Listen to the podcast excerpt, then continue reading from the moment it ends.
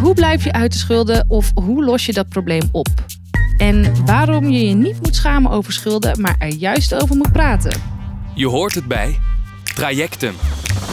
In deze podcast spreken we met lectoren van de Hogeschool Utrecht.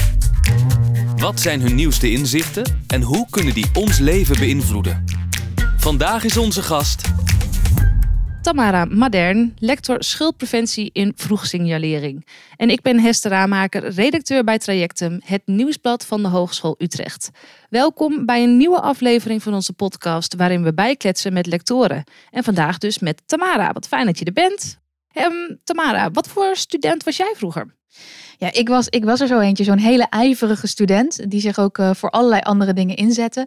Uh, natuurlijk, uh, ik woonde ook in een, in een studentenhuis, dus we hebben zeker wel wat leuke huisfeestjes gehad en dat soort zaken. Maar ik stond, was niet degene die bekend stond als degene die het meest kon drinken. Je bent nu lector bij de HU ja, en je focus je dus ook veel op studenten, het studentenvraagstuk eigenlijk, vroegsignalering bij schuldenproblematiek bij studenten. Hoeveel studenten hebben dan te maken met schulden, zeg maar, grofweg? Ja, we hebben dus uh, vorig jaar onderzoeks uh, hierna afgerond. En daar bleek toch uit dat ongeveer 43% van de studenten te maken heeft met enige vorm van betalingsachterstand. Dat is soms heel klein, hè? dus dat betekent niet dat, uh, dat we meteen een enorme problematiek hebben. We schatten het op ongeveer 1 op de 10 studenten die toch echt wel redelijk wat schuldenproblematiek heeft. En ongeveer 2 op de 10 studenten geven zelf aan dat ze moeilijk rondkomen. Ik vind dat echt heel erg veel. Ja, dat is inderdaad behoorlijk wat. Maar wat we wel veel zien is als we naar de 43% kijken, is dat het vaak even iets is. Dus even geen geld, uh, tijdelijke glitch, uh, wat minder te besteden. Maar die, die 2 op de 10 die moeilijk rondkomt, die dat zelf aangeeft, of die 1 op de 10, ja, dat zijn nog steeds een ontzettend grote groep die daar toch mee worstelt. Ja, maar als je dit over de 43% hebt, hè, even tijdelijk even niet iets met iets rondkomen, waar moet ik dan aan denken? Een, abonnement van een krant die je even niet kan betalen? Of is dat uh, je zorgverzekeringen nu een maand niet kunnen betalen? Hoe, nou, dat zit er klein. dat zit er allemaal tussen. dus het kan ook gaan over geen geld meer kunnen pinnen. Uh, nou, dat is natuurlijk ontzettend onhandig, maar dat hangt er wel vanaf hoeveel eten je nog in huis hebt. Hè? Of dat echt een direct probleem is. En jij noemde natuurlijk de zorgverzekering, dat is bijvoorbeeld ook één. Hè? Dus, dus lopend de zorgverzekering misschien geen problemen. Maar dan uh, als je iets meemaakt, moet je natuurlijk ook die, uh, het eigen risico gaan betalen. Dat is toch een, eh, voor sommigen een behoorlijk bedrag. Ja. Um, en je ziet dat dat niet altijd gebeurt op het moment dat je ook de kosten maakt. Dus het kan soms echt een paar maanden duren voordat de rekening van het ziekenhuis uiteindelijk weer bijkomt. Dat moet je dan allemaal maar doorhebben. Ik snap er soms echt helemaal niks van. Maar ik heb wel een hele dikke tip. Mijn eigen risico betaal ik tegenwoordig in termijnen. En dus elke maand wat. En dat is alsnog wel een hap natuurlijk. Maar ik ben heel blij dat ik nu niet in één keer 400 euro op tafel hoef te leggen. Nee, dat, dat is echt voor sommige mensen een oplossing. Als je denkt van nee, ik ga waarschijnlijk toch dat eigen risico opmaken, kun je dat sparen. Dat zou echt ontzettend helpen. Maar sparen is sowieso eigenlijk de beste tip tegen financiële problematiek. Want als jij gewoon ergens achter de hand uh, een buffer hebt voor dit soort onverwachte dingen, dan, dan loop je er bijna nooit tegenaan. Oké. En ik, ik, wil even met je luisteren naar Vivian Hartog. Zij is docent hier op de HU en begeleidt de minor geld en schulden. Zij vertelde mij wat studenten leren bij die minor en ze begint over hoe het nu kan dat de ene mens in de schulden komt en de andere niet. Wat denkt de docent? Sommige mensen overkomt het ook echt. Hè. Ehm, het onderwerp schulden is best beladen. We hebben daar allemaal beelden bij. Ook, ook mijn studenten die komen soms binnen met, nou ja, mensen hebben hier zelf voor gekozen. En daar staan we dus heel uitvoerig bij stil. Nou, wat stress met je eh, gedrag doet. Uh, waar, waar het vandaan komt dat je soms hele onlogische beslissingen neemt. die helemaal niet in je eigen voordeel zijn. Ja, wat, wat we in Nederland vooral zien is dat schulden beginnen natuurlijk altijd vrij klein. Hè? Het, is, het is één ding wat je niet kan betalen. Um, en hoe kom je dan van dat kleine niet kunnen betalen naar iets heel groots? En we hebben vaak beelden erin dat mensen uh, maar oneindig spullen bestellen. Uh, dat ze, dat ze uh, superveel uitgaan. En dat ze helemaal geen rekening houden met hun budget. Alleen wat we zien is dat de meeste mensen, studenten ook, wel rekening houden met dat budget. Maar af en toe dus zo'n onverwachte rekening niet zien aankomen. Als je daar geen rekening mee hebt gehouden, wordt het lastig om in die maand dat te gaan betalen. Wat er dan vervolgens gebeurt, is dat er een keuze gemaakt wordt. Wat ga ik wel niet betalen? Soms wordt er dan voor gekozen om wel die ene rekening te betalen, maar iets anders niet. En daar komt een soort van stapelingseffect. Want als je dat geld die week erop ook, die maand erop ook niet hebt, wordt het lastig en komen er steeds meer kleine gaatjes. Ja. Doordat er in Nederland allerlei boetes bij opkomen, gaat er zich dat dan stapelen. Wat er vervolgens vaak bij de persoon gebeurt, is die raakt steeds verder in de stress. En die probeert dat te handelen. We zien dat vaak een beetje lukraak. Dus zonder overzicht, maar gewoon uh, wat er voorbij komt, probeer ik op dat moment te regelen. Door de stress die erbij komt, kun je er minder goed over nadenken. Krijg je minder goed overzicht. Doordat je minder goed overzicht hebt, krijg je meer problemen. Het stapelt op. En dat stapelt op die manier. En dan kan je zeggen, dat is je eigen schuld. Maar we weten dus dat er dus externe factoren dit zoveel versnellen. Uh, Zoals wat? Ja, dus, dus die stapeling van die boetes, uh, externe en intern ook, dus, dus je eigen manier van hoe ons brein werkt. Dat we daar dus, doordat er stress is, dat we juist minder dat overzicht hebben wordt dat gewoon heel lastig. Dus we zien eigenlijk dat het heel vaak onmacht is. En niet zozeer eigen schuld, maar echt een, een bron van onmacht. De eigen schuldvraag doet er ook niet heel veel toe. Als iemand nu heel erg bereid is om het op te lossen, ga je dan kijken waarom ben je in de schulden gekomen en wat stom dat je dat hebt gedaan. Nee, hoe kun je er nu uitkomen ja. en hoe kunnen we dat aanpakken? Ja toen ik student was, heb ik eigenlijk ook wel eens in zo'n soort vergelijkbare situatie gezeten. Het is allemaal goed gegaan, laat ik het zo zeggen. Wat je, wat je nu vertelt, denk ik, kan me er heel erg in vinden. Want ik kon inderdaad even iets niet betalen. Ik ging het ene gat eigenlijk met het andere gat oplossen. Maar ergens denk ik toch, ik heb ook wel echt verkeerde keuzes gemaakt. Ja, ik denk ergens ook, als je toch al dit al ziet, waarom zou ik dan niet bijvoorbeeld meteen mijn moeder hebben gebeld en zeg, mam, ik heb hier een rekening liggen van 200 euro. Ik kan het echt niet betalen nu is het allemaal zo uit, uit iemands macht te leggen, zeg maar. Nee, ja, daar zit ook een groot verschil in. Dus die worsteling die jij nu voelt, die hebben ook heel veel mensen. Het feit dat, dat er onmacht bij komt kijken, uh, betekent niet dat je ontslagen bent van alle verantwoordelijkheden.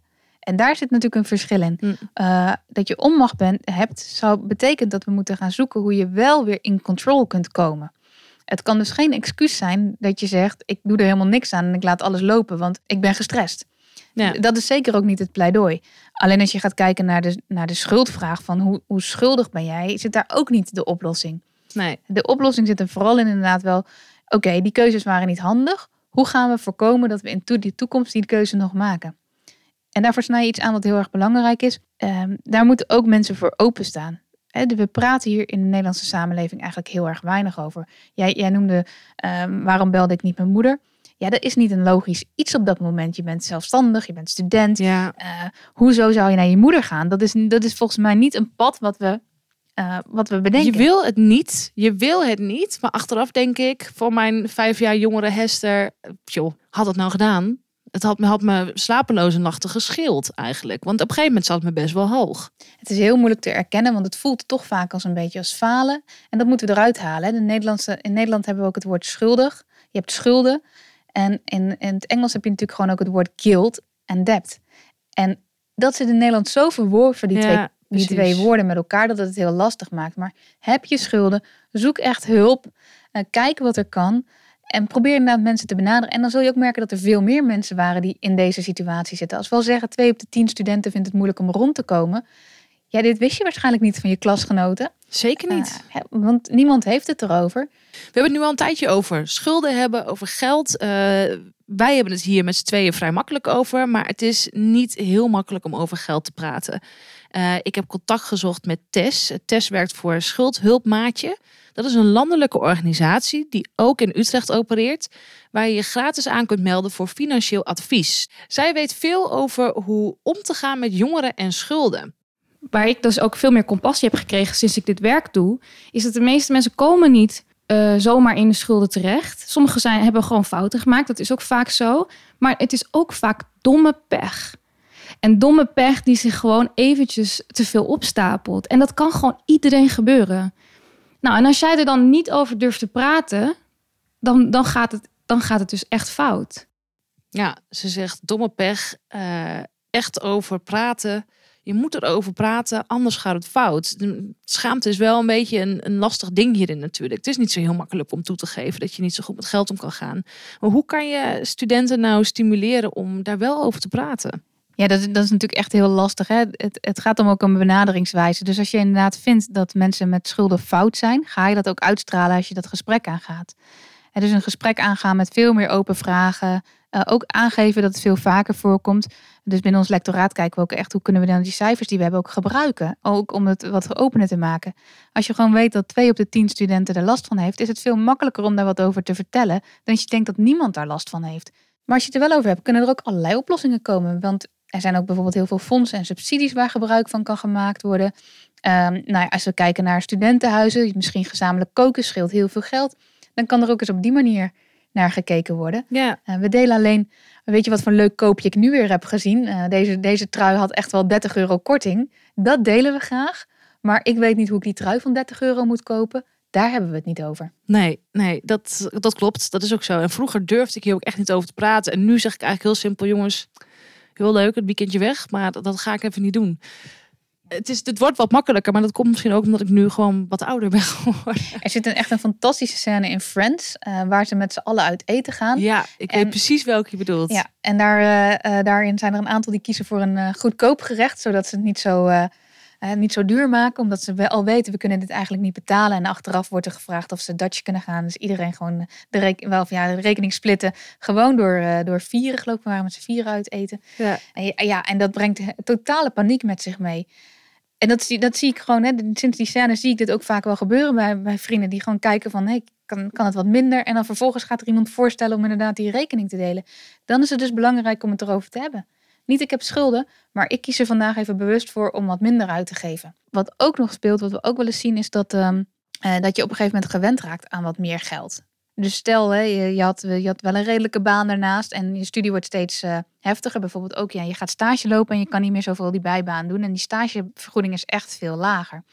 Op een gegeven moment wennen we aan dat uitgavenpatroon. En dan wordt het heel lastig om terug te gaan naar dat patroon wat je daarvoor had. Ja. Um, ik wil graag even met je luisteren naar Muit. Student hier uh, op de hogeschool. Uh, hij leent op het moment 680 euro per maand bij Duo. En hij gaat aan ons uitleggen waarom hij dat doet. Wat denkt de student? Uh, omdat mijn eigen inkomen naar beneden is gegaan. Van best wel, nou ja, ik verdiende best wel veel geld en nu niet meer. Ik ben zelfstandig in de horeca. Nou ja, sinds twee maanden is het ook bijna helemaal weg gaat het van heel hoog, van, nou, van een degelijk modaal inkomen naar uh, bijna niks. Ja, en dat is ingewikkeld. Hè? En Muit zit eigenlijk in zo'n situatie die we net aanhaalden. Hij was gewend om met meer geld om te gaan. Heeft daar ook zijn uitgavenpatroon op aangepast. En dan heb ik het niet alleen over leuke uitgaven, maar ook je vaste lasten. Ja, ja dat kun je niet zomaar 1, 2, 3 aanpassen. Dan is er voor studenten dus inderdaad de mogelijkheid om meer te lenen.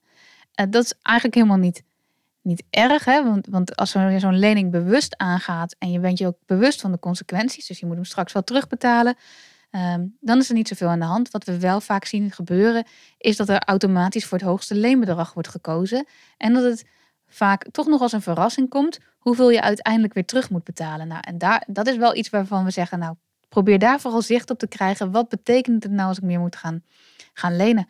Ja, ja, nou ja, dat is het zeker. We hebben het hier uh, nu mooi over. Nog eventjes nog een keer naar Muid luisteren namelijk. Want we hadden het daarna nog even over de gevolgen van lenen. Nou, ik vind het erg vervelend. Want ik weet eigenlijk bijna nu zeker dat als ik een huis wil gaan kopen uh, later, dat ik bij mijn ouders moet gaan aankloppen uh, voor financiële ondersteuning. En dat is natuurlijk als je dan nou, die leeftijd hebt, eind 20, begin 30, is het toch heel vervelend dat je dan nog steeds niet op eigen benen kan staan door het systeem in Nederland, zeg maar. Uh, dus ja, hij zegt: Ik ben de dupe van het Nederlandse systeem dat ik geen huis kan kopen, bij mijn ouders aan moet kloppen. Dus ja, lenen is in deze tijd waarschijnlijk onvermijdelijk voor heel veel studenten. Maar hoe zouden ze dat anders kunnen doen? Is dat eigenlijk anders te doen? Kijk, ik kan niet in de portemonnee van me uitkijken. Ik kan niet kijken wat hij nu nodig heeft. Dus de vraag is wel: probeer te kijken wat je echt nodig hebt. En probeer niet meer dan dat te lenen. Maar er zijn op dit moment denk ik niet heel veel andere mogelijkheden. Als je ook zegt van mijn studie is ontzettend belangrijk. Ik wil gewoon die studie blijven doen, want dat is goed voor de toekomst van later. Ja, dan is dat toch een, een pad dat je, uh, dat je bijna niet anders dan af kan gaan. Maar probeer het in elk geval zo bewust mogelijk te doen. En ga ook kijken die eerste paar jaar nadat je klaar bent met je studie, of je dan zoveel mogelijk al kan aflossen. Het is natuurlijk uh, verleidelijk om eerst dat geld je krijgt eindelijk veel geld om, dat, om dat ook uit te gaan geven. Uh, je hoeft ook niet meteen te gaan terugbetalen. Maar juist als je dat in die eerste periode doet, kun je daar daarna heel veel profijt van hebben. Hey, en uh, afsluitende vraag. Wat, wat zouden wij als luisteraar, als student, als docent uit jouw onderzoeken, jouw bevindingen mee kunnen nemen in het dagelijks leven? Nou ja, probeer dus in elk geval uh, open te staan hè, voor anderen. Kijk niet vanuit de schuldvraag, maar vooral vanuit de oplossingsvraag. Uh, en voor studenten zelf, als je het over het persoonlijk hebt, Lenen is helemaal niet erg, maar kijk heel goed naar wat zijn de gevolgen, wat betekent dit op de lange termijn. Uh, dus maak die bewuste keuze. Want we weten ook, als je die bewuste keuze maakt, ook al heeft het dan gevolgen, dan is dat vaak minder heftig voelt dat, dan als je wordt overvallen door die, uh, door die gevolgen. Dus ja, uh, nu goed nadenken over wat wil ik en kies ik er bewust voor om veel of minder te lenen, helpt je gewoon ontzettend in de toekomst om ook te weten wat je dan kan doen. En blijven praten met je vrienden, met je familie, met iedereen. Blijf in contact. Vraag hulp. Het is geen zwaktebod, maar juist supersterk als je dat doet. Top. Mooie afsluiter. Dankjewel Tamara voor je tijd en je aandacht en je uitleg. Ontzettend leuk dat je er was. Dankjewel. Dit was hem dan. De vierde aflevering van onze Trajectum podcast. Dus jij thuis op de bank, op de fiets, in de auto. Dank voor het luisteren. Vergeet je vooral niet te abonneren op onze podcast. We zijn onder meer te vinden op Spotify, Apple Podcasts en Google Podcasts. Kortom, je favoriete apps. Voor deze podcast werken we samen met Podium. Dat is het initiatief van de HU voor cultuur en debat. Zij zijn druk bezig met onder meer Utrecht maakt kennis. En de lectoren in deze podcast komen ook daar voorbij. Uh, check daarom hun agenda voor beschikbaarheid en de aanmeldlink. En tot de volgende. Je hoort het bij Trajectum. De podcast waar we in gesprek gaan met lectoren van de Hogeschool Utrecht. Wil je nog meer horen, lezen of zien? Ga dan naar trajectum.hu.nl of volg ons op Instagram, @trajectumutrecht. Daar vind je al het nieuws over de Uithof, studenten en docenten van de HU.